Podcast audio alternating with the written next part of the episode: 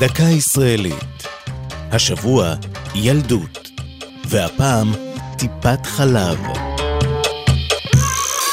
הביקור הראשון בטיפת חלב הוא אחד הטקסים הבולטים בהורות הישראלית.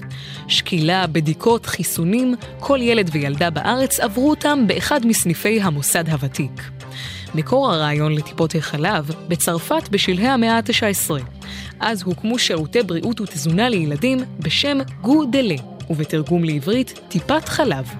מטרת השירות במקור הייתה לצמצם את תמותת הילדים כדי לגייסם בעתיד כחיילים לצבא. מצרפת נדד הרעיון לבריטניה ולארצות הברית, ולארץ ישראל הביאוהו נתן שטראוס והנרייטה סולד.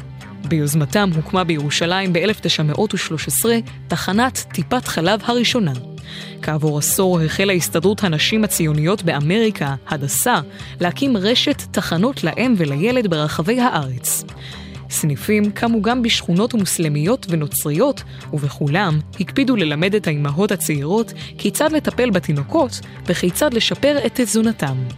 כיום פרוסות ברחבי המדינה כאלף תחנות טיפת חלב, את רובם מפעילים משרד הבריאות והרשויות המקומיות, ואת מיעוטן קופות החולים. זו הייתה דקה ישראלית על ילדות וטיפת חלב.